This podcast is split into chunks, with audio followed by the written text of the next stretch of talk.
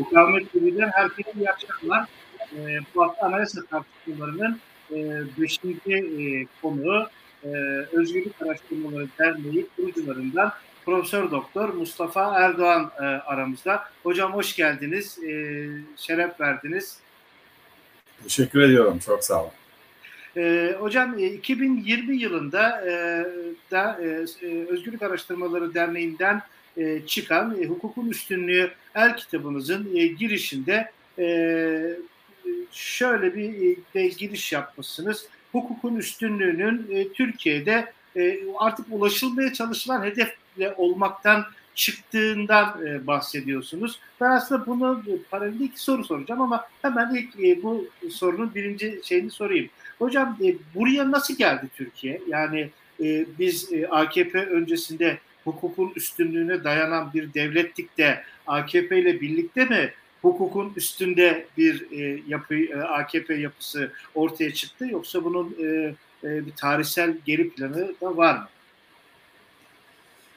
Tabii ki e, AKP döneminde e, bütün şu an geldiğimiz konuma e, ulaşmış değiliz. Ama AKP dönemi Türkiye'nin daha önceki az çok iyi kötü var olan hukuka saygı fikrinin büsbütün ortadan kaldırıldığı bir dönem oldu maalesef. Yoksa tabii ki e, Türkiye'de hiçbir zaman hukukun üstünlüğü tam anlamıyla e, cari olmadı. Esasen bizde hukukun üstünlüğünden ziyade kanun devleti anlayışı uzun süre etkili oldu. 61 Anayasası'ndan sonra kısmen daha hukukun üstünlüğü anlayışına doğru bir yönelme olduysa da işte Türkiye'de hatta AKP iktidarı döneminde de başlangıçta e, en azından hukuka saygısızlık yönünde belirgin bir eğilim yoktu. Fakat işte 2011-2012'den itibaren şartlar değişmeye ve hukuk tamamen yok sayılmaya başlandı maalesef. Yani bırakalım hukukun üstünlüğünün kurumsal gereklerini e, e, asgari anlamda bir hukuk fikri bile gitgide maalesef e, terk edilmiş durumda bu itibariyle. E, hocam e, yine orada e, giriş bölümünde e, muhtemelen 2000 yılında 20 yılında yayınlandığına göre 2019 yılında ya da sonlarında yazdığınız bu şeyi bir gün gelir diyelim rejim normalleşirse tekrar hukukun üstünlüğü kavramının tartışmaya açılacağını umut ettiğinizi e, söylüyorsunuz. Bugün 2021'in e, sonlarındayız ve e, siz buradasınız. Yani belki bu bile çok şey hani e, AKP MHP bloğunun dışında liberaller, sosyalistler, muhafazakarlar e, yani herkes e, yeni bir anayasayı, hukukun üstünlüğünü e, tekrar e, konuşmaya hatta belli, belli bir ortak nokta etrafında iyi kötü uzlaşmaya e, başladılar.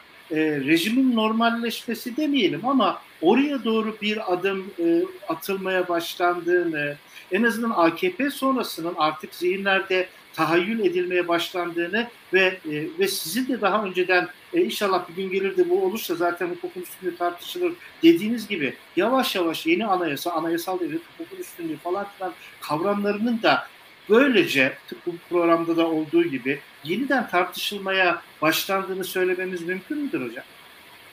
Şimdi aslında bu özellikle son 7-8 yılda Türkiye'nin yaşadığı siyasi tecrübe e, öncelikle e, demokratik standartlardan uzaklaşma yönünde gelişti. Ve tabii bu arada hukuk fikri zaten e, az önce dediğim gibi 7-8 yıldır gerilemiş e, durumdaydı. Şimdi bu e, şöyle bir teşhis oldu. Yani muhalefettekiler gerek e, aydınlar gerekse siyasi partiler anlamında söylüyorum.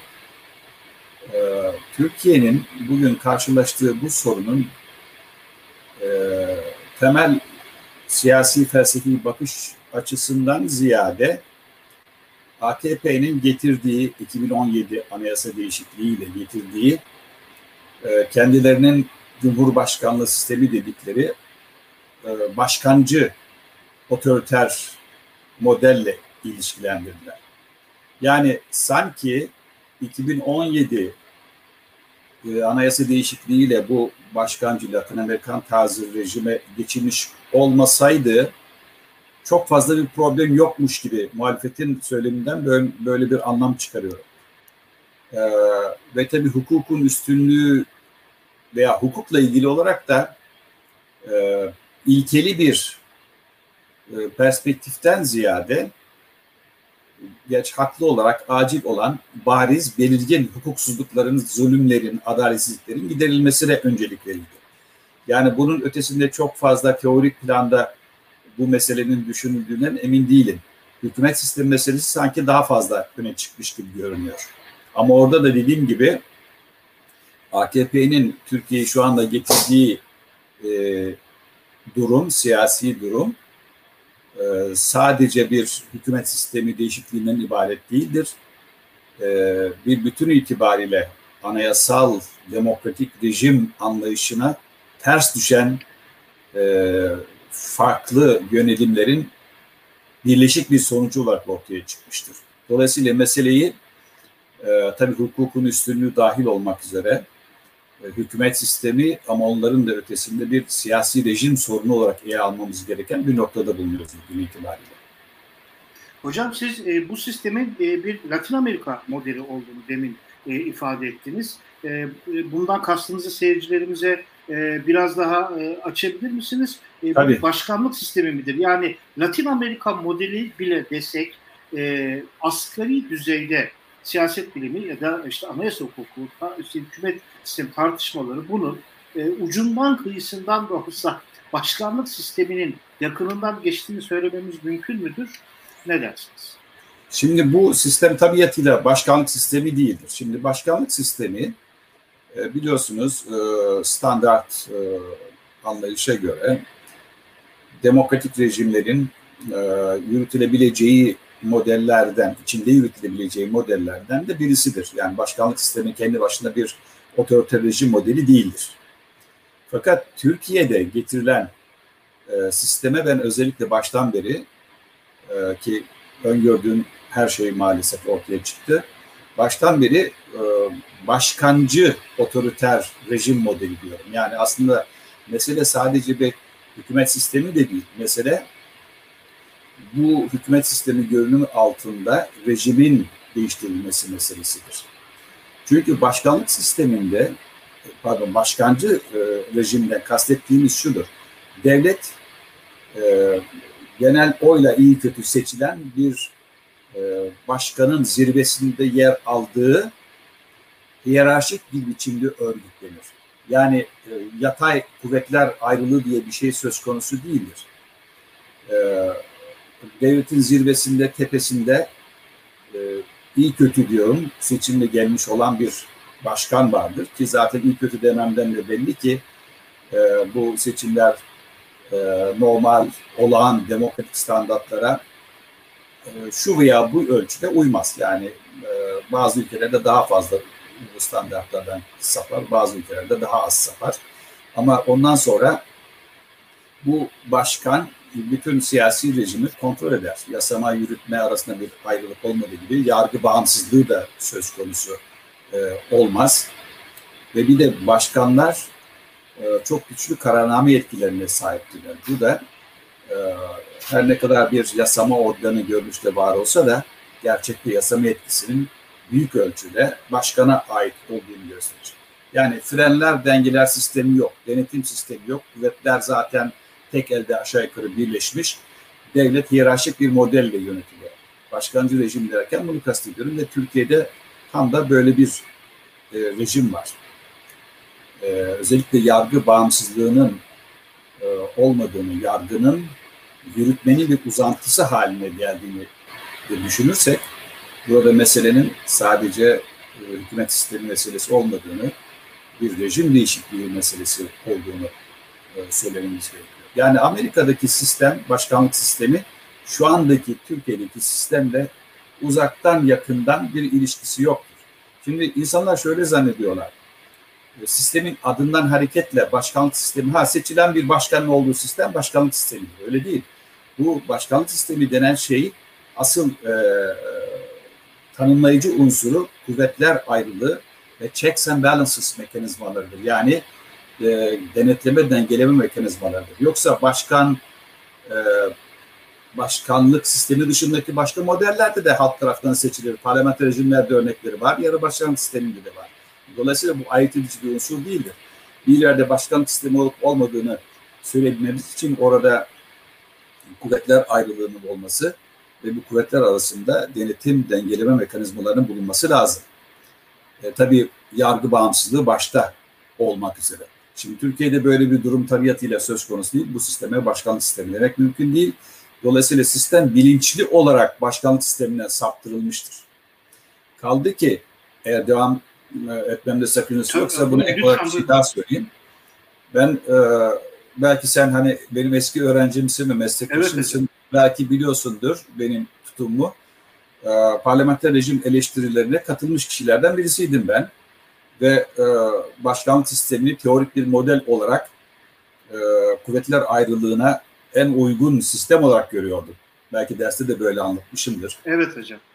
E, şimdi e, buna rağmen yani Türkiye'de yaşadığımız tecrübe daha iyi gösterdi ki e, bırakalım bu az önce sözünü ettiğim türden başkancı modeli Amerikan sistemini aynen getirsek Türkiye'ye bu yine kişiselci otoriter bir rejime döner. Çünkü biliyorsun Amerikan yani Latin Amerikan versiyonuna dönecek.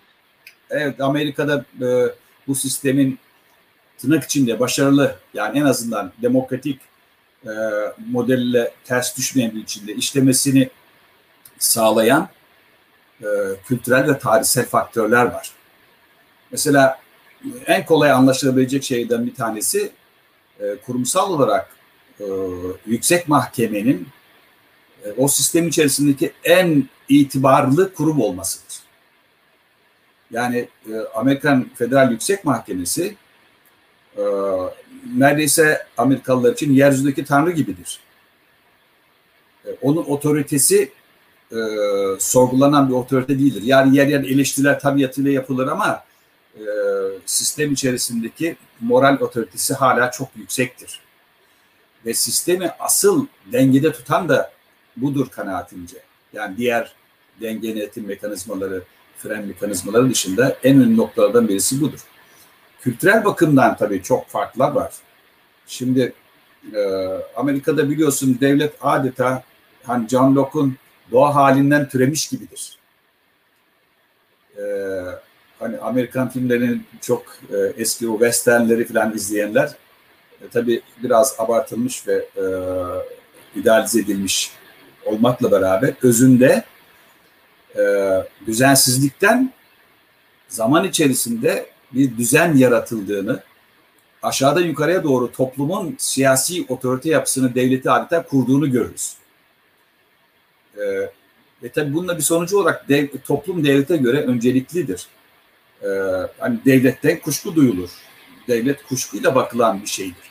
Şimdi bizde bu kültürel gelenek olmadığı gibi tam da bunun tersi vardır. Yani bizde milletin, halkın e, varlığını mecbur e, borçlu olduğunu düşündüğü kutsal yüce bir şeydir devlet.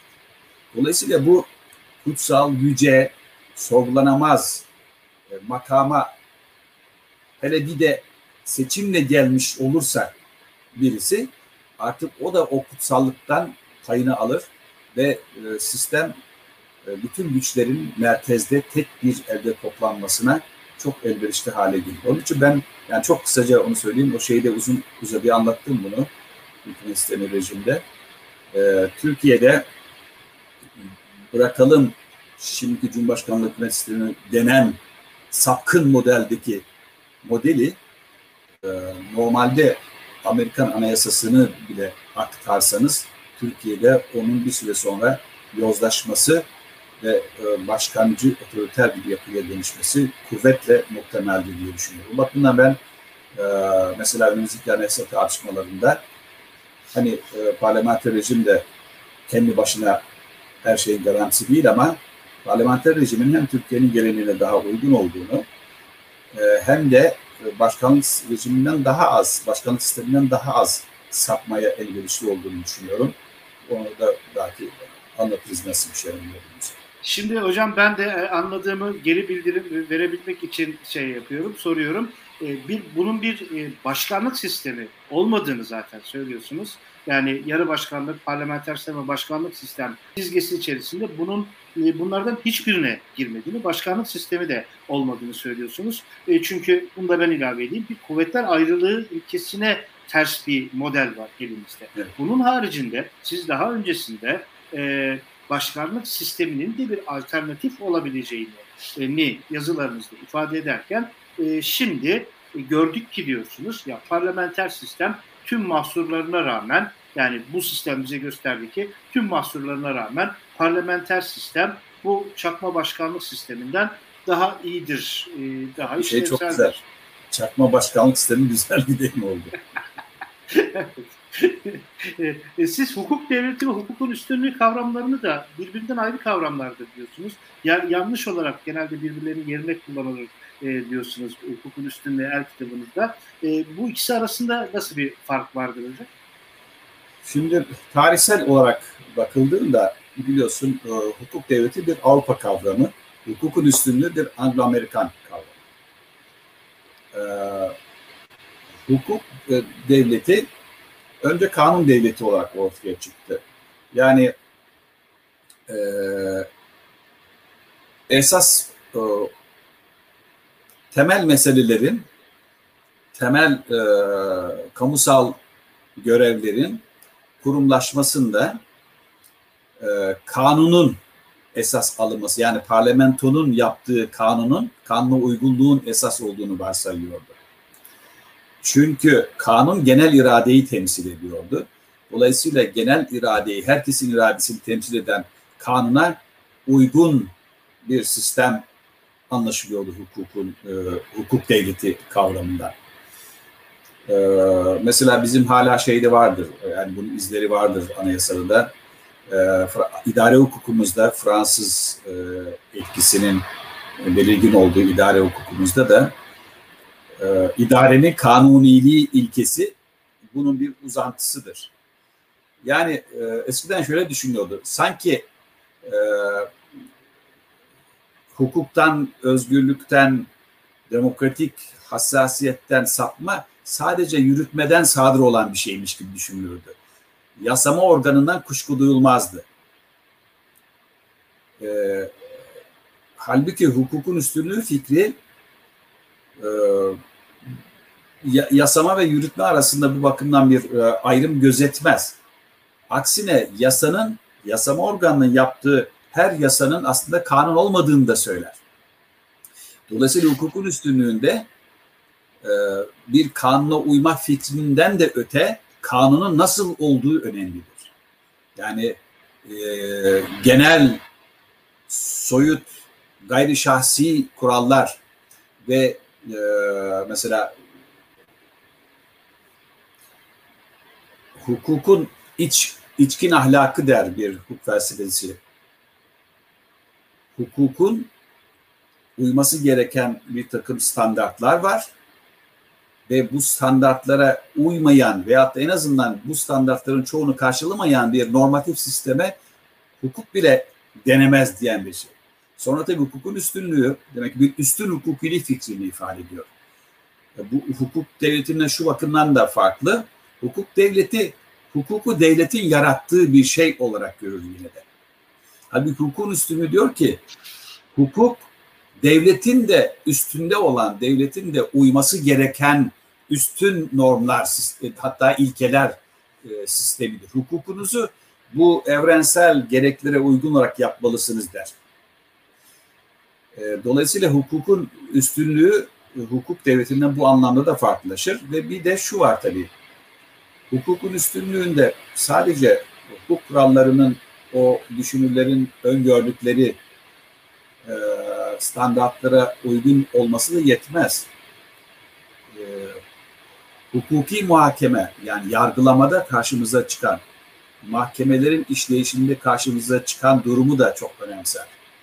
Kuralların adil olması önemlidir, vazgeçilmezdir ama bir de kuralların hakkaniyetli bir biçimde uygulanıp uygulanmadığı meselesi var. Bu da fevkalade önemli. Buna usulü hakkaniyet deniyor literatürde. Aşağı yukarı bir şeye benziyor. Bizde hani e, Avrupa İnsan Hakları Sözleşmesi'nden bize geçme, adil yargılama e, denen ilkeye benzemektedir. Demek ki bütün bunlarla bir bütün olarak düşünmek lazım. Kurallar adil olmalı. Kurallar hakkaniyetle uygulamalı. Yani tarafsız bir biçimde ve e, hakları etkilenen kişilerin söz hakkına riayet ederek mesela savunma hakkı bakımından fevkalade önemlidir.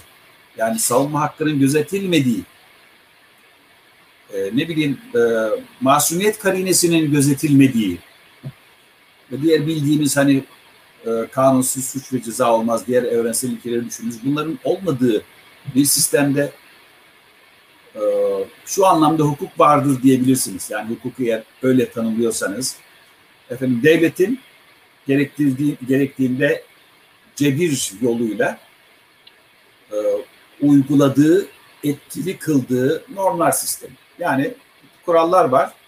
Devlet gerektiğinde bunları cebirle de uygular. Şimdi sadece hukuk budur derseniz o zaman hukuk devleti ile hukukun üstüne arasında ayrım yapmanızı zaten gerek kalmaz. Ama bu ayrım yapmamızın nedeni hukukun bundan ibaret görülmemesi, görülmemesidir. Hatta daha ilerisi var tabii. Yani mesela o az önce sözünü ettiğim ismini vermediğim e, Lon Fuller adlı hukuk felsefecisi o sekiz tane standart kriter sayıyor ya o kriterlere uymayı e, devletle yurttaş arasındaki ahlaki anlamda bir karşılıklık ilişkisinin gereği olarak sayıyor. Yani diyor ki devlet eğer yurttaşına e, onun onuruna saygı duyuyorsa veya bu ilkelere uyduğu ölçüde saygı duyduğunu göstermiş olur. E, ve başka türlü şöyle diyebiliriz. Ancak bu ilkelere uygun olarak yaparsanız hukuku yurttaştan ona itaat etmesini bir ödev olarak bekleyebilirsiniz. Yani karşılıklık söz konusu. Bizde biliyorsunuz burada hiyerarşi söz konusu. Hukuk demek devletin buyurduğu şeydir. Ne demek yani vatandaşın efendim karşılıklı beklentisi olması sen kuralları düzgün yapmadın ben de takmıyorum. Böyle bir şey e, düşünmesi bile mümkün değil. Halbuki hukukun üstünlüğü bütün bu meselelerin daha başka meselelerin gündeme gelmesi demektir. Hukukun üstünlüğü aynı zamanda anayasanın da o hukuk silsile-i meratibinde, o hukuk e, e, hiyerarşisinde e, en üst konumda olmasını da bir yerde emretmiyor mu? Hani siz de dediniz ne demek e, hukuksa bizde e, devletin buyurduğu bir şeydir. Halbuki e, kıta Avrupa'sında da Anglo-Sakson gelenekte de yani bir e, farklı bir beklenti de var bunun içerisinde. İki bu da anayasal gelenekle şekillenen bir şey.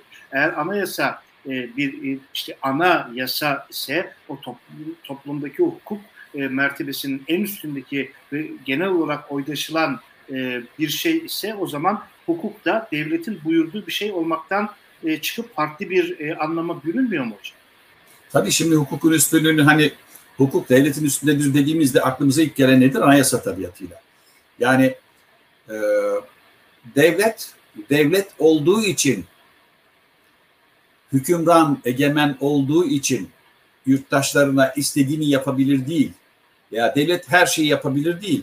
Devlet anayasayla tanımlandığı çerçeve içerisinde ancak yetki kullanabilir demektir. Yani yetkinin kaynağı şimdi demokratik bir anayasal demokratik bir rejimden bahsediyorsak bu durumda iki kaynağı var yetkinin. Bir, halk iradesi, biri de anayasa.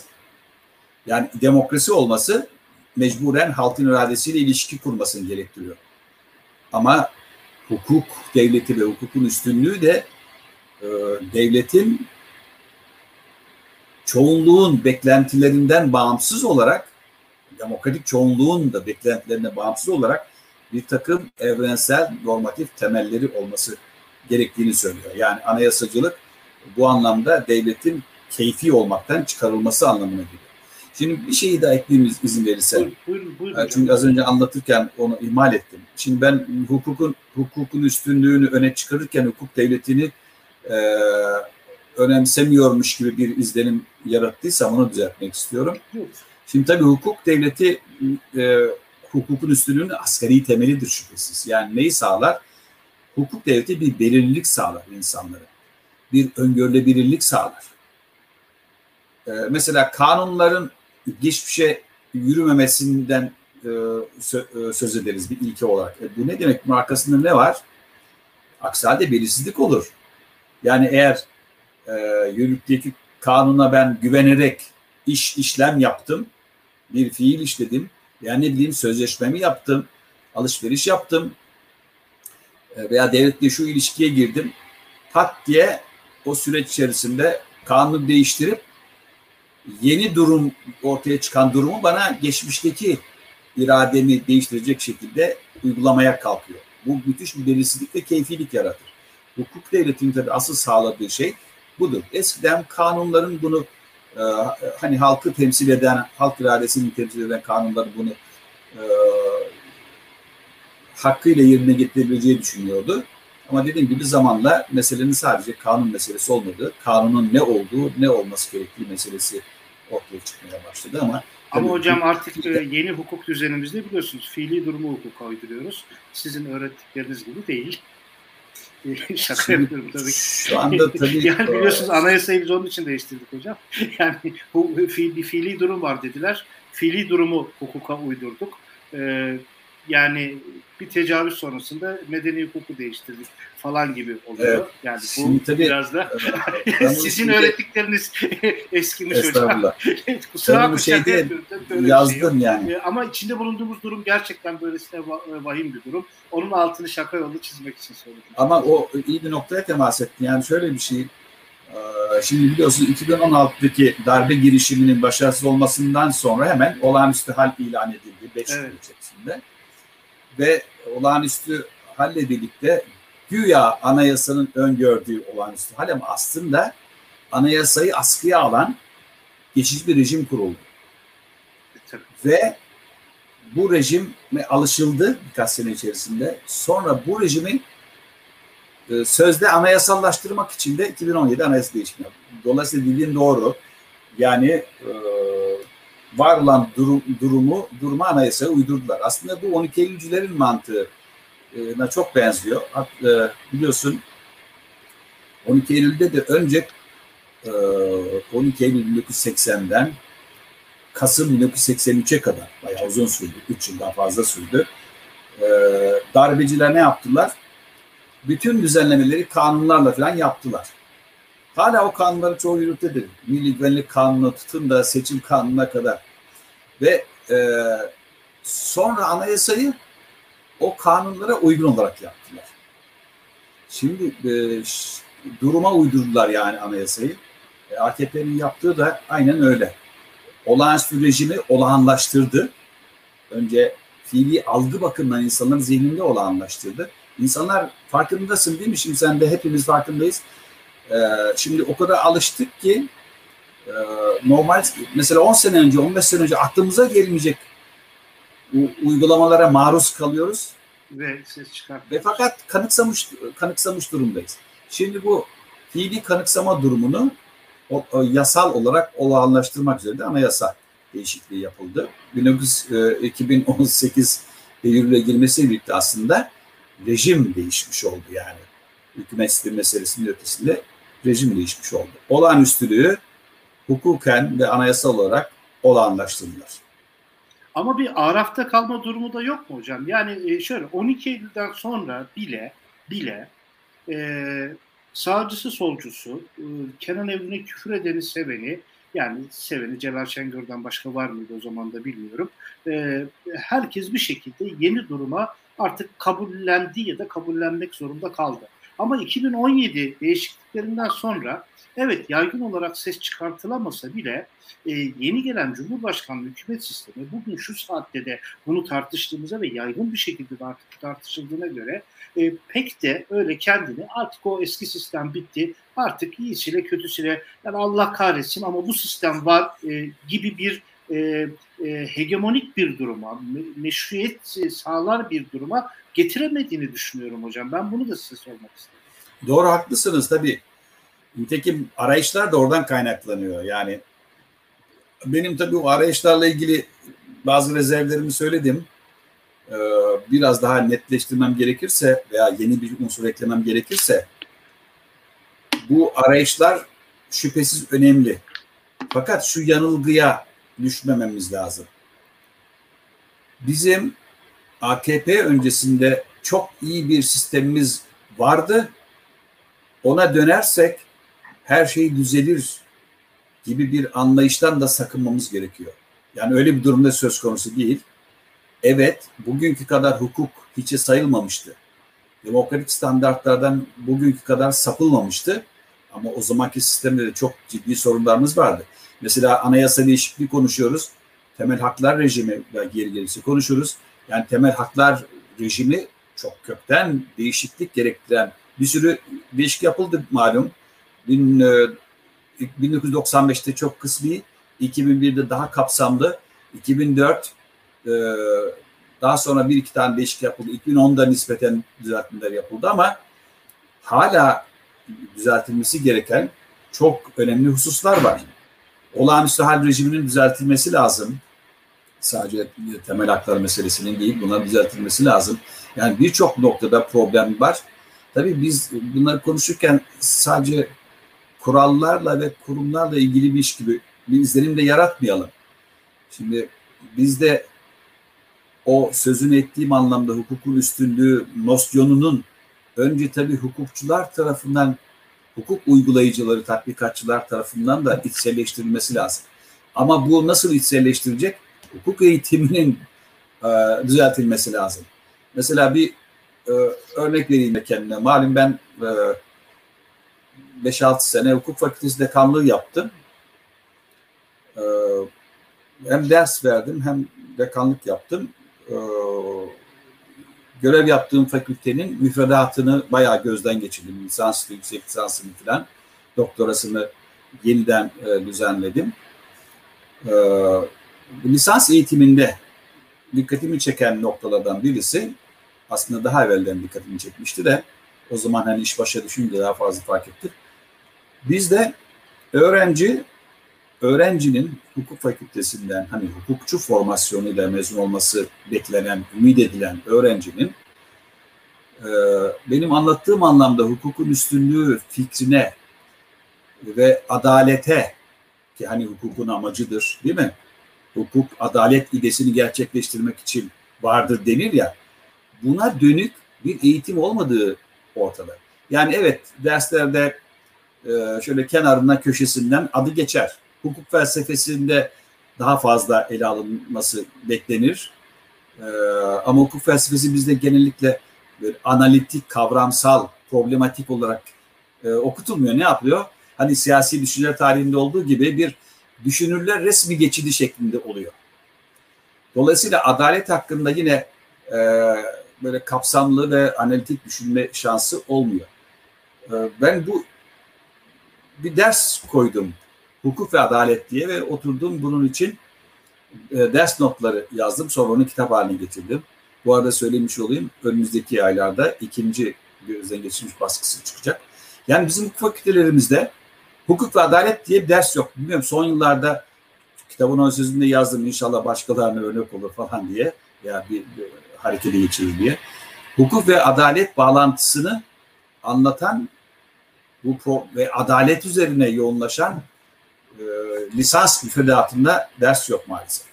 Dolayısıyla hani e, mesele sadece kurumsal düzeyde değil, mesele sadece e, kurallarla ilgili değil, aynı zamanda bu kuralları uygulayacak olan, bu kurumları işletecek olan hukukçuların e, donanımları meselesi, formasyonları meselesi.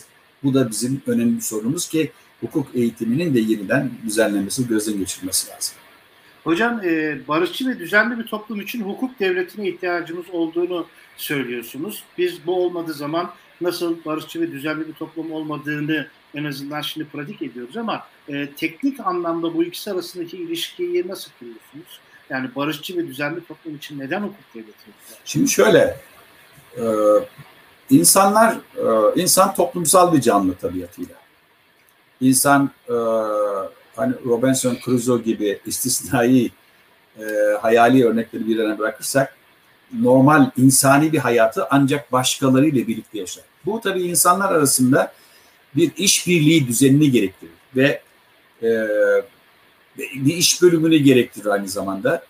İnsanların birbirleriyle ilişkilerinin medeni standartlar içerisinde kalmasını gerektirir. İnsanlar arasında ihtilafların mümkün olduğunca azaltılmasını ve veya ihtilafları çözmenin yerleşik usullerinin ortaya çıkmasını veya belirlenmesini gerektirir. Şimdi bütün bunlar hukukla ilgili. Hukuk ne oluyor? Yani birden fa- insanlar farklı farklı düşüncelere sahipler. Yani ille çatışma derken kastettiğimiz şey e, kavga etmeleri anlamında değil. Ama insanların istekleri birbiriyle uyuşmayabilir. Yani insanoğlu başkasıyla, insanlar başka insanlarla hem uyuşurlar hem ortak noktaları vardır. Bu işbirliğini teşvik eder. Çünkü ancak birlikte bazı şeyleri yapabilirler. Ama aynı zamanda insanlar arasında çıkarları bakımından, dünya görüşleri bakımından, e, hayata bakışları bakımından farklılıklar vardır.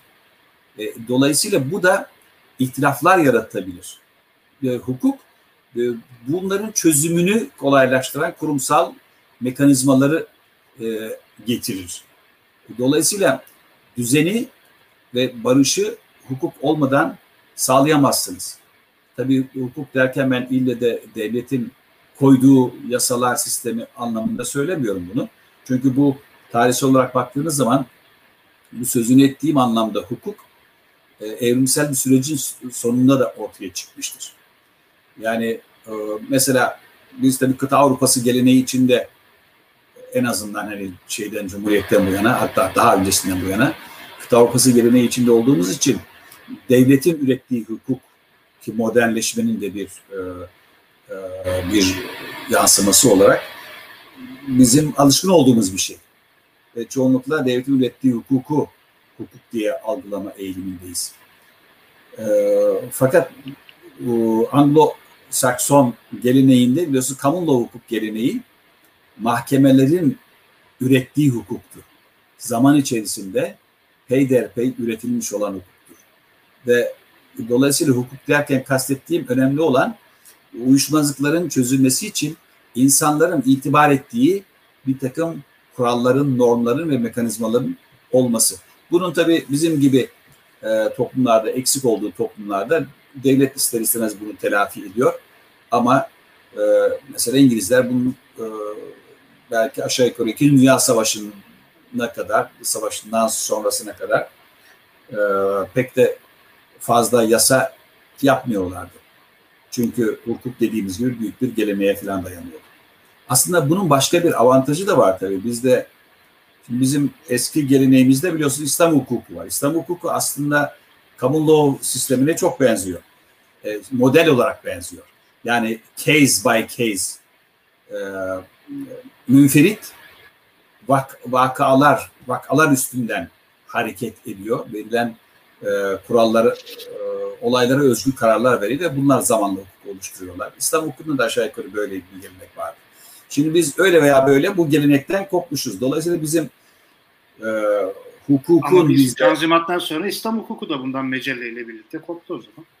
E, işte onu diyorum yani bu ben bunu iyi kötü anlamda bir şey söylemiyorum. Yani diyorum ki şimdi e, İngilizlerin ve Commonwealth onun e, şeyini takip eden Amerika, Kanada, Avustralya gibi e, ülkelerin o avantajı bizde yok tabii yerleşik bir. Ve bu aslında hukukun üstünlüğü fikrinin, nosyonunun bizde temelinin olmamasının da nedenlerinden birisini oluşturuyor. Çünkü hani iddiatçıların dediği gibi e, yok kanun yap kanun. Bugün de aynen öyle. Şimdi torba kanun diye bir şey var değil mi? Bu bir skandaldır.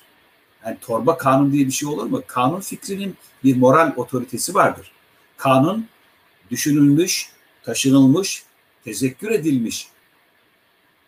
İnsanların e, ihtiyaçlarına uygun düşüp düşmediği üzerinde derinlemesine düşünülmüş bir sürecin sonucunda üretilen ve bunu üreten irade de temsil ettiği halkın e, hissiyatını, ihtiyaçlarını ciddiye alarak bunu yapan bir irade olduğu varsayılıyor. Yani böyle bir kanun fikri yok şimdi tabii. Kanun dediğin işte parlamentodaki aslında parlamentoda yok şu anda. Yani bir biçimde meclisteki e, hakim olan çoğunluğun e, kendi dünya görüşüne ve veya çıkarlarına uygun olan şeyin yasalaştırılmasından ibaret. Benim e, hukuk ve adaletin yeni baskısının ekler kısmına da koydum. Daha evvel e, pasajlar dergisinde çıktı. Kanun ve yasa arasında bir ayrım yapıyorum bu perspektif. Yani sırf bunun için bir makale yazmıştım. E, bir ara bakarsan tavsiye ederim yani. Hakikaten bu önemli bir şey. Şimdi torba yasa denen şeyin olduğu yerde bu, bu, bu ürüne kelimenin doğru anlamda kanun demeniz mümkün değil. E, bu fikri şeyden mühem fikir, Hayek'ten mühem bir fikir. Onu hani biz çevirmiştik, e, sen de biliyorsundur. E, law, legislation and liberty. Law, legislation. Hukuk ve yasalar, hukuk ve kanunlar ayrımı yapıyordu. Doğru anlamda kanuna hukuk diyordu. Parlamentonun yaptığı e, ve kanun olmak iddiasındaki normların çoğunun aslında hukuk değil daha ziyade yasa diyebileceğimiz bir şey olduğunu ifade ediyor. Ben de oradan mükemmel bir kavramsal e, geliştirme yapmıştım. Evet neyse konuyu dağıttım biraz galiba. Hocam e, siz toplumun ya adalete dayanacağını ya da güce yani çıplak güce, forsa e, dayanacağını e, söylüyorsunuz. Ve zaten Dünya Kitabı'nın girişiminde ki bunu konuştuk. Ya bu hukuk e, üstünlüğü kavramı artık yani Türkiye'de tartışılmayan nostaljik bir kavram oldu diyorsunuz. Bu aslında aynı zamanda sizin altını çizdiğiniz e, artık rejimin çıplak güce dayanarak ayakta durduğunun da altını çizen bir unsur değil midir? Aslında e, şu andaki e, rejimin e, en e, zayıf noktası da veya zayıf noktaların birisi de budur. Şunu kastediyorum. E, bir rejim hakkı, hukuku, adaleti büsbütün göz ardı ederek sırf kaba güce dayanarak uzun süre ayakta kalamaz. Ee, mesela mahkemeler e, işlevlerinden birisi de rejim meşrulaştırmaktır.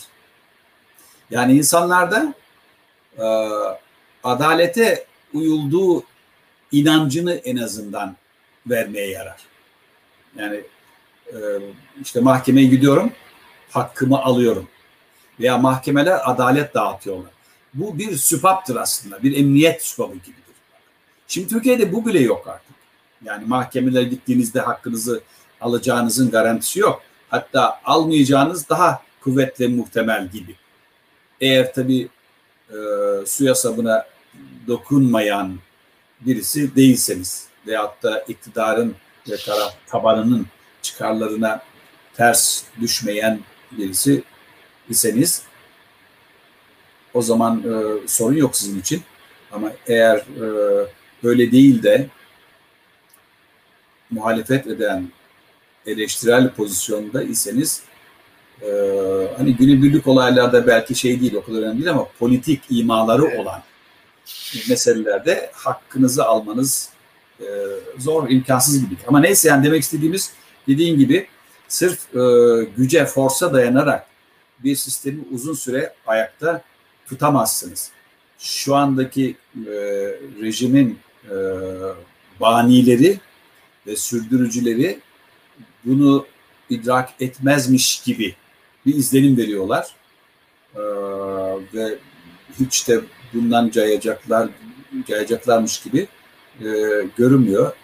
E, yani bu bir handikaptır bu rejim içinde bir handikaptır. Bizim için yurttaşlar olarak bir haksızlık, hukuksuzluk durumudur. Onurumuza e, saygısızlıktır.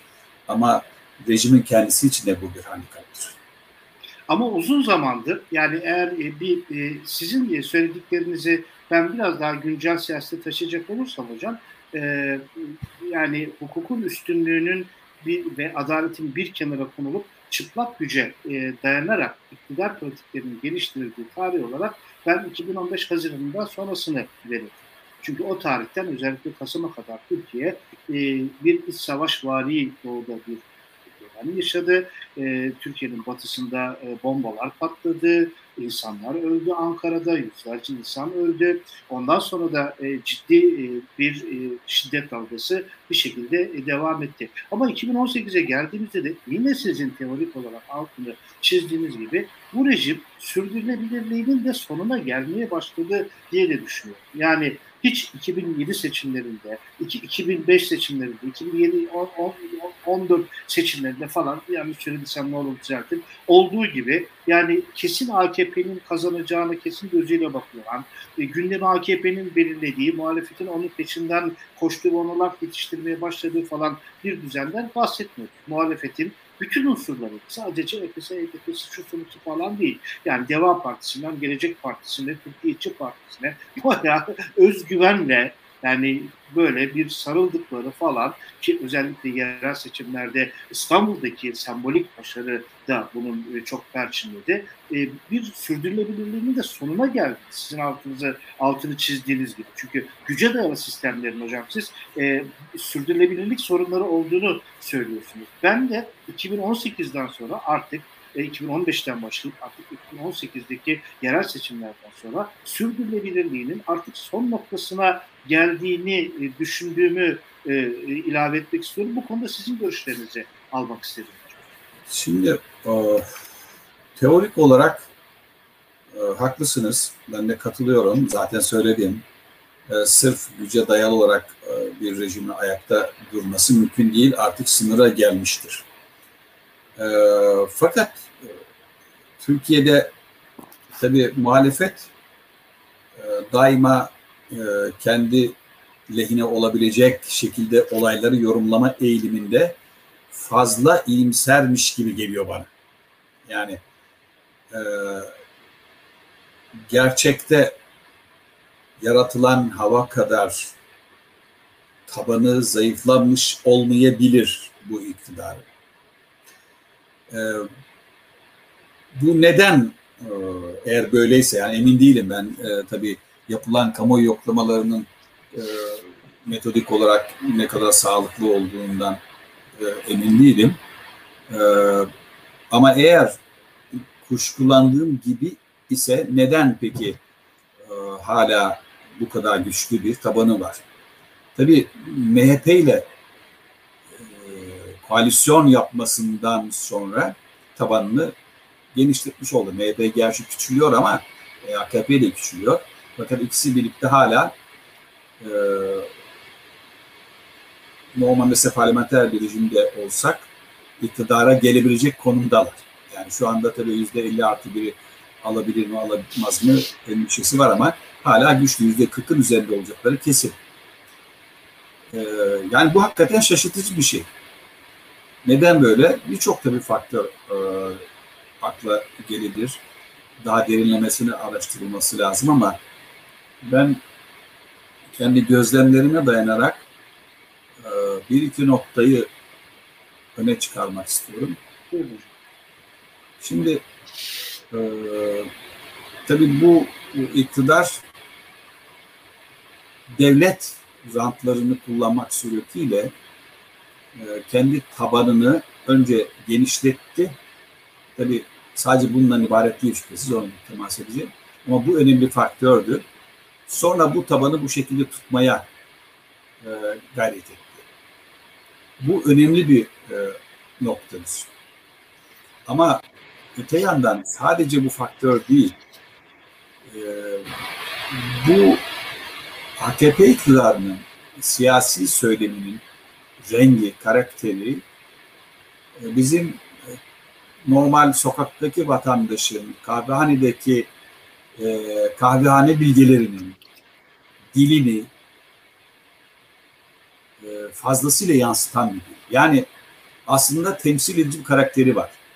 Bunun özelliği bir, aa bak e, bizimle aynı dili konuşuyor. Bu fevkalade önemli. Yani biz okumuş, e, yazmış insanlar bazen bunun önemini kaçırıyoruz.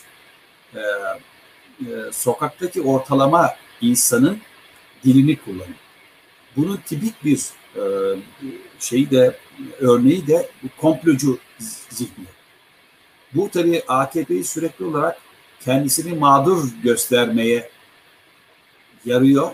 ve bu mağdur efendim e, rolünün tabanda destek bulmasını sağlıyor. Ve e, bütün kötücül düşmanlara karşı içte ve dışta e, bizim iyiliğimizi istemeyen bütün e, bozgunculara, düşmanlara karşı, dünyadaki bütün başarılarımıza karşı e, birleşme ihtiyacını Tabii bunu sağlayan bir faktör de e, Türkiye'de medyanın tamamen iktidarın kontrolünde olması. Yani şimdi bu işte bizim konuştuğumuz bu e, medya ortamı gibi gitgide e, alternatif medya araçları gelişiyor ama hala insanların çoğunun Tabii.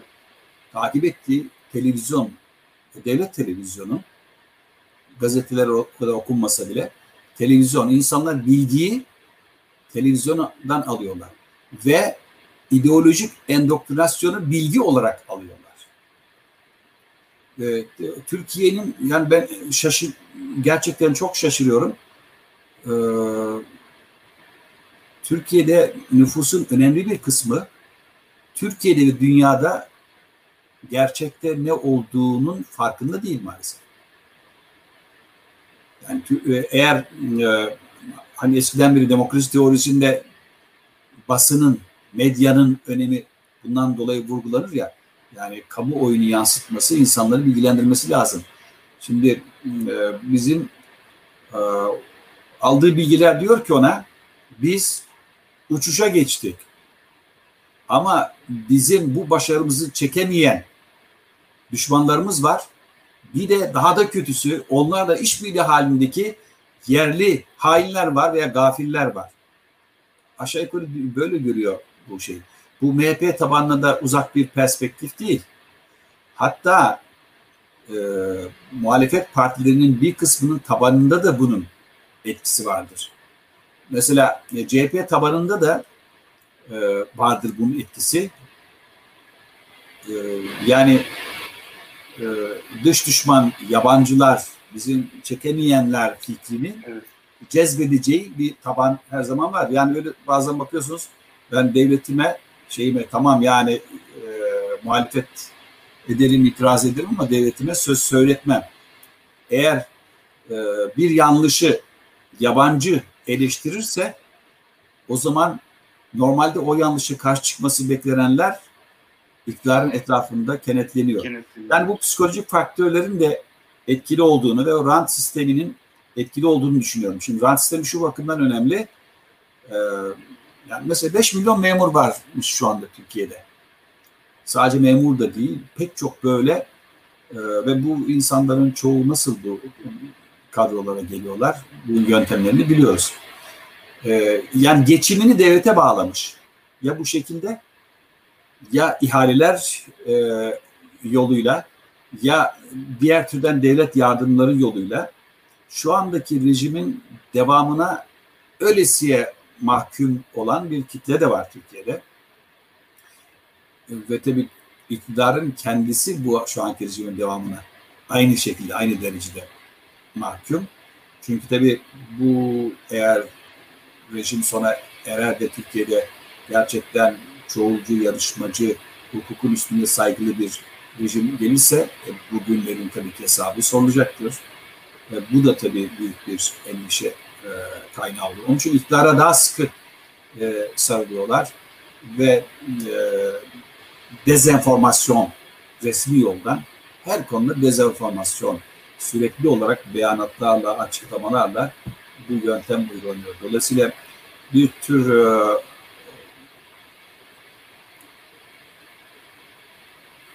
neyse hatırlayamadım. Yani şu anda bir e, e, olup bitenlerin toplum tam olarak farkında olduğu kanaatinde değilim. Dolayısıyla e, herkesin yani e, muhalefetin çok fazla ümitli e, olması da gerçekçi temellere dayanıyor olabilir. Çünkü bak şu da önemli. Yani diyebilirsin ki ya ama e, topluma ümit vermek lazım. Değil mi? Bir e, bir dinamik yaratmak lazım. insanları mobilize etmek lazım. Yani insanlar kendiliğinden mobilize olmuyorlar. Sadece sadece muhalefet duygusu yetmiyor. İnsanlar muhalefet duygusuna kapılıyor ama mesela kimi durumlarda e, harekete geçmesi için yeterli olmuyor bu. Dolayısıyla demokratik bir uyanışı muhalefetin bilinçli bir strateji haline getirip yaratması lazım. Ben şu anda öyle bir şey e, göremiyorum. Yani kendiliğinden şöyle bekliyor yani muhalefet büyük ölçüde. E, ya bu iktidar işte bu kadar görüyorsunuz gitgide e, baskıyı artırdı, yoksulluk var, adaletsizlikler var, almış başını yürüyor. E, insanlar artık bunu görüyorlardır. Görmeleri lazım. Bazı şeyleri göstermek de siyasi maharetin, siyasi sorumluluğun bir gereği sanıyorum. Ben de tam bununla ilgili bir soru soracaktım. Yani benim sorum da şöyleydi. Hukukun üstünlüğü, anayasanın üstünlüğü, işte parlamenter sistem falan gibi kavramlar e, sokaktaki vatandaşın çok da e, birebir e, ilgilendiği kavramlar değiller. yani bu tembel e, ortaokul öğrencilerinin matematik hocasına sorduğu gibi geometri e, hocam gündelik hayatımızda ne işe yarayacak? Hocam anayasa, hukukun üstünlüğü, ortalama vatandaşın, sokaktaki vatandaşın ne işine yarayacak? Yani bunu muhalefet ya da biz ya da siz e, sokaktaki insana nasıl anlatabiliriz? Anayasa ne işimize yarar? O, ne işine yarayacak bunun? Hukukun üstünlüğü ne işine yarayacak? Hukuk devleti ne işine yarayacak? Olmasa olur? İşte tabii e, muhalefetin bir hüneri de bunu e, insanlara bu bilinci vermenin, bu bilgiyi, bu uyarıyı yapmanın yollarını e, bulmasıdır. Yani insanlara e, bu belirsizliğin, bu keyfiliğin e, onların hayatını da e, menfi olarak etkilediğini, olumsuz olarak etkilediğini anlatmak gerekiyor. E, yoksulluğunun, mesela bakınız Türkiye e, bugün itibariyle e, veya geçen yıl itibariyle e, fert başına düşen milli gelirde 2007 seviyesine gerilemiştir. Yani AKP'nin ilk döneminde bunu kabul edelim. E, gerçekten bir e, yükselme oldu. Fakat 2011'den itibaren 12'den itibaren yavaş yavaş geriledi ve bugün artık 10 yıl 10 14 13 14 yıl öncesinin düzeyine geri gelmiştir. E, şimdi insanlar e, bu yaşadıkları sıkıntıların, ekonomik sıkıntıların, yoksulluğun ve üstüne üstlük bir de adaletsizliğin e, onların geleceğini, çocuklarının geleceğini olumsuz yönde etkilediğini anlatmak anlatmaları gerekiyor. Muhalefetin özellikle anlatması gerekiyor. E, tabii muhalefetin işinin zor olduğunu biliyorum. E, yani çıkıp her zaman herkesin duyabileceği şekilde konuşma, kendine anlatma fırsatı, imkanı yok maalesef. İşte buna rağmen çıkış yollarını bulmak da yine eğer bu meseleleri önemsiyorsa muhalefet. Yani mesele sadece şu değilse, ya işte buna gitse de biz de iktidar olsak. Mesele sadece bu değil de hakikaten Türkiye'nin bugününden ve geleceğine endişe ediyorsak. Mesela biz e, akademisyenler şu anda üniversitelerin durumu çok içler acısı vaziyette. Ya ben televizyonlara çıkıp konuşanları artık dinleyemiyorum. Ya bu ne, nereden bu hangi şeyden kahvehaneden almış bunları getirmişler. Bu unvanları nasıl almış bunlar diye hakikaten merak ettiğim insanlar var. Ve e, bu çok yaygın. Şimdi e, bilim kavramının hiçbir değeri kalmadı. Yani bilimsel gelişme araştırmanın değeri kalmadı. E, gerçekten akademik standartlara e, uygun üniversite personelinin oranı gitgide düşüyor. Çünkü e, herhangi bir düşünün e, yabancı dil puanının 50'ye düşürüldüğünü düşünün. Yani lisans evet. öğrenimde falan. Evet. Ben bunu şeyde anlatmaya çalıştım yani görevdeyken. Yani böyle bir şeyle e, şey sınavından 50 alan mesela e, bu dil sınavından ister e, şeyin olsun hangisi olursa olsun yani okuduğu metni doğru anlayamaz. Anlayamaz hatta.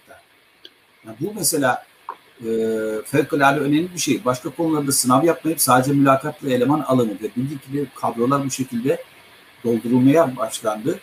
geleceğe dönük olarak hakikaten e, benim karamsar e, olmamı, olmama neden olan bu gelişmeleri e, herhalde şeyde görüyordur. Yani muhalefet de görüyordur.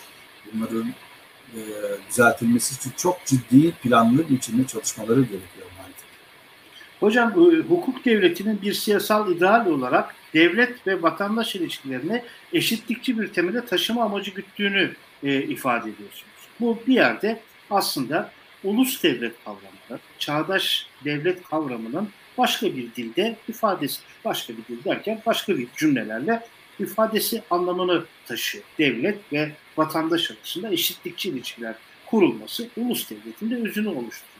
E, ama bu sizin bahsettiğiniz şey de e, tam da bizim devlet geleneğimizin tersine tekabül ediyor. Hikmeti hükümet, rezan deta'nın falan da tersine e, e, e, şey yapıyor. O zaman biz biraz da hukukun üstünlüğü kavramının e, ne diyelim e, altını doldurabilmek için bu devlet bekası, e, işte rezon deta, hikmeti hükümet buralardan biraz uzaklaşıp bir public service anlamında bir devlet anlayışına, bir çağdaş devlet anlayışına falan doğru o mantığı da mı e, zorlamamız, dönüşüme zorlamamız gerekiyor?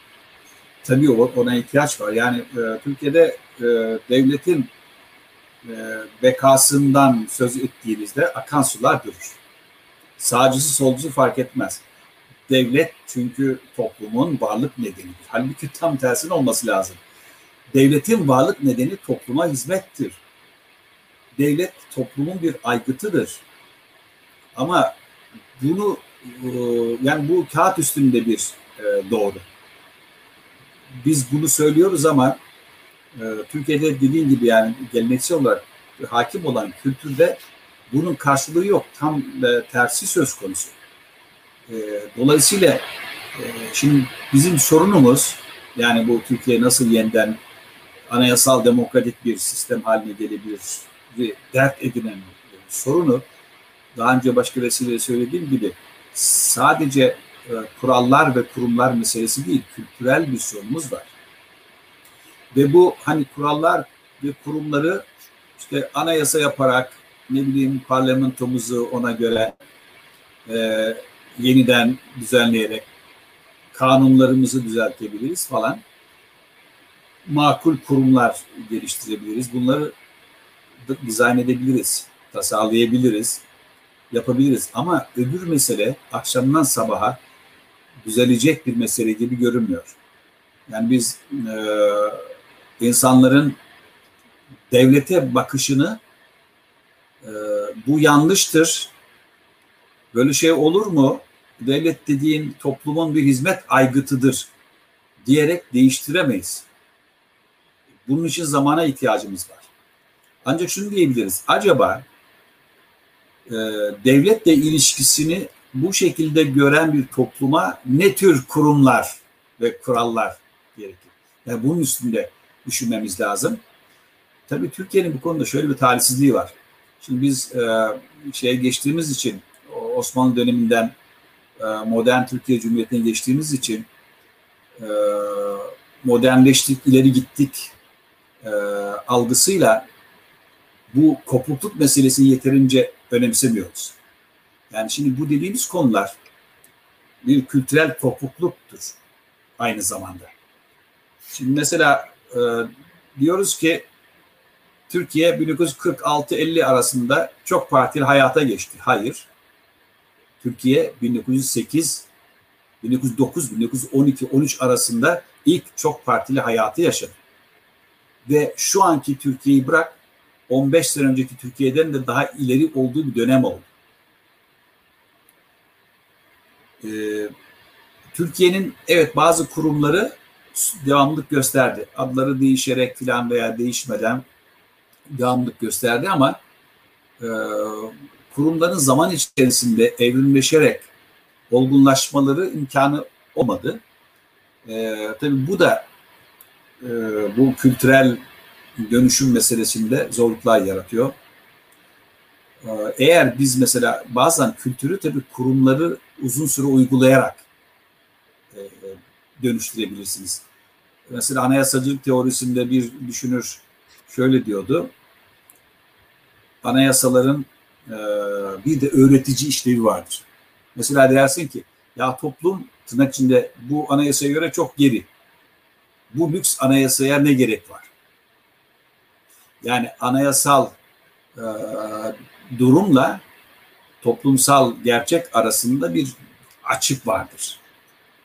Anayasada yazan şey toplumun durumunu yansıtmaz. İşte diyor ki o düşünür, bu bile yararlıdır. Yani daha ileri kurumlar, anayasal yapıların varlığı toplumun o, kurumların uygulanmasına zaman içerisinde alışmasını ve o kurumların gitgide benimsemesini kolaylaştırabilir. Ee, onun için e, Türkiye bir kısmı tabii Türkiye'nin elinde olmayan, bir kısmı elinde olan nedenlerle o geleneği kesintiye uğradı. Elinde olmayan neden nedir? Birinci Dünya Savaşı tabii. Ee, kesintiye uğradı. Ee, bu kesinti olmasaydı belki yavaş yavaş olacaktı belki ama Türkiye zaten e, anayasal monarşik sistemini gitgide daha da cumhuriyetçi yönde evrilme şansına sahip olabilirdi. E, tabii bunun da garantisi yok şüphesiz. Ama demek istediğim şu, yani bizim e, yani mesela bir İngiltere'nin e, sahip olduğu hatta kısmen Fransa'nın sahip olduğu gibi uzun bir kurumsal kültürel geleneğin türevi olan bir siyasi yapımız yok. Bu e, bizim kusurumuz olsun olmasın veya iyi ya kötü her neden olursa olsun sonuçta bu da bizim için bir dezavantaj oluşturuyor. Yani kültürel dönüşüm meselesi hakikaten zaman alacak. Yani bu hikmeti hükümet ya da devlet bekası 1400'lü yıllarda, 1500'lü yıllardaki hala bir prekapitalist Akdeniz İmparatorluğu'nda yaşıyorsak bunlar sorun olmazdı. Hatta e, kardeş katli de e, sorun olmazdı. Belki onu da alkışlıyor olurdu falan ama hani bir modern e, işte yani Celal şey e, Gürsel'in devrim otomobilleri için dediği mesela batı kafasıyla cumhuriyet kurup içine benzin koymayı unutunca yani hukukun mantığını hala 1400'lü yıllardaki bir devlet bekasına falan filan dayandırınca ikisi arasında ciddi bir uçurum ortaya çıkıyor ve toplum sizin de dediğiniz gibi sağcısından solcusuna devlet bekası denildiği zaman e, akan suların durduğu bir e, yapı var e, bu şeyin içerisinde. Şeyi soracağım hocam, yargı bağımsızlığına siz de e, çok önem veriyorsunuz e, çalışmanızda. E, elbette ki yürütme de, e, yargı, yasama da e, hukukun üstünlüğü kavramının e, işleyebilmesi için çok önemli role sahip. Ama e, iş yargı olduğu zaman artık bunu önemli kavramıyla değil de hayatilik kavramıyla mı açıklamak gerekiyor? E, hukukun üstünlüğü kavramında yargının rolünü konuştuğumuz. Çok doğru söyledim. Yani ben de aynı kanaatteyim. E, yargı bağımsızlığı ve tarafsızlığı fevkalade hayati bir konu ve Türkiye'nin en acil halledilmesi gereken sorunudur. Ee, şöyle diyebiliriz. Hukuk düzeniniz hani normatif düzeyde e, bir kusurlarla malum olabilir. Yani iyi kötü bir hukuk sisteminiz olabilir. Tabii biz hukukun üstünü onu düzeltmeye gerekiyor söyledik. Ama diyelim ki e, kurallarınız, normlarınız aranan evrensel standartlara veya hukukun üstünlüğünün gerektirdiği standartlara uygun değil. Ama eğer e, yargı bağımsız ve tarafsız ise ve bu güçlü bir kurumsal geleneğe dayanıyor ise sırf mahkemelerin icraatıyla o iki diğer kurumun günahlarını önemli ölçüde telafi edebilirsiniz. Yani denir ya hani kötü bir yasayı iyi bir yargıç işe yarar hale dönüştürebilir. İyi bir yargıç elini kötü bir yasa bile adalete hizmet edebilir. Elbette e, yasalar iyi olsun, kurallar iyi olsun bunu isteriz. Ama buna sahip olmayanlar için bari yargı bağımsız kalabilse. Mesela bakın şeyde e, Amerika'da e, Trump e, dönemi ve onun sonra meclise e, bir tür saldırısı falan söz konusu oldu taraftarlarının. Amerika'da bağımsız yargının varlığı fevkalade önemli oldu. Amerika'da da e, tırnak içinde kötü adamlar çıkıyor tabii değil mi? E, iktidarı kötüye kullananlar, popülistler, efendim e, gücünü e, sürekli kötüye kullananlar oluyor. Ama insanlar mahkemelere gittiği zaman haklarını alabiliyorlar.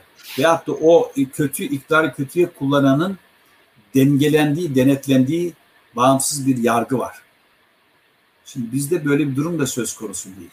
Bağımsız yargı o bakımdan son derece önemli. Yani hem bağımsız olacak hem tarafsız olacak. Tabii bu da kağıt üstünde yazmayla olacak bir şey değil. Ee, bu da yine bir gelenek meselesi. Ama bu konuda da çok kötümser olmayalım. Türkiye e, çok güçlü bir geleneğe sahip olmamasına rağmen bir konuda Türkiye e, AKP öncesinde bu konuda epey mesafe almıştı. Yani o zaman da sorunumuz vardı. Yani yargının e, rejimin ideolojik hassasiyetlerini koruma yönünde zaman zaman çok ileri gittiği ve demokratik süreçleri bloke ettiği oldu. Fakat bugünkü kadar yargının, iktidarın tamamen iradesini temsil eden bir durumla hiç karşılaşmamıştık. Dolayısıyla yargı bağımsızlığı son derece önemli. İnsanların e, uğradıkları zulümler, baskılar, haksızlıklar karşısında son sığınak olarak güvenebilecekleri son melce neresidir? Mahkemede. Yani şu ümidi insanların yaşatabilmesi lazım. Evet bana bu haksızlıkları yaptılar ama Ankara'da mahkemeler var. Ne bileyim İstanbul'da mahkemeler var. Türkiye'de mahkemeler var. Mahkemelere gidersem hakkımı alırım. Ama eğer mahkemeler de iktidarın e, politikasının uygulama araçlarına dönüşmüşlerse o zaman hiçbir şansınız kalmıyor. Dolayısıyla Türkiye'nin e, anayasal e, yenilenme meselesinde bağımsız yargıyı tesis etmesi en önemli ihtiyaçtır. Dediğim gibi diğer konularda bir şey yapamasa bile bu konuda başarılı olması e, birçok şeyin düzeltilmesini sağlamaya yetebilir. Şunu anlıyorum hocam söylediklerinizden. Ee, daha önceden kör kapalı olsa işleyen bir hukukun üstünde e, hukukun üstünlüğü sistemimiz vardı. Şimdi tıkır tıkır işleyen bir AKP'nin hukukun üstündeliği sistemimiz var. yani Şimdi AKP'nin hukukun üstünlüğünde sistem var. Evet. Hatta AKP bile denemez.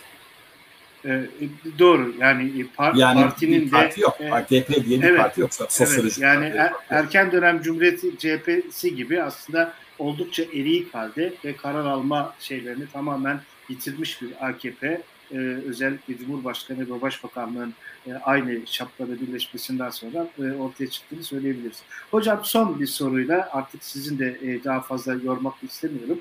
2001 yılında Liberal Düşünce Derneği'ndeki e, belki iki yazınızda birinde e, Fazilet Partisi'nin kapatılması e, davasını e, ışığında Anayasa Mahkemesi'ne sorguluyorsunuz ki demin zaten konuştuğumuz konunun bir uzantısı oluyor. Aynı sayıda Refah Partisi'nin kapatılmasını dahi kararları bağlamı üstünden okursunuz. Nitekim 2008'de de e, AKP için e, kapatılma davası açıldığında da siz tabii ki e, buna da e, mağlup bir e, tavır takındınız. E, bugün aynı e, cadavı, e, aynı e, şey e, HDP üzerinde de e, sallanıyor. E, parti kapatma, e, hukukun üstünlüğü ve anayasal yargı bağlamında son soru olarak hocam bu parti kapatma e, mevzularına da e, çok kısaca değinmemiz mümkün olabilir. Ee, şimdi tabii Türkiye'de bu konuda maalesef e, insanlar ideolojik duruşlarına göre e, doğru belirlemeye çalışıyorlar. E, o zamanlar benim e, sözünü ettiğiniz konulardaki tutumum onun için bazıları tarafından benim İslamcı olarak nitelenmeme de yol açtı biliyorum. Hatta bunun propagandasını yapanlar oldu. Halbuki bu siyasi partiler Çok meselesi küçük şeylerdi hocam. Yani, evet. yani siyasi partiler meselesi e, bundan bağımsız. Hangi ideolojik eğilimde olursanız olun. Siyasi parti nedir?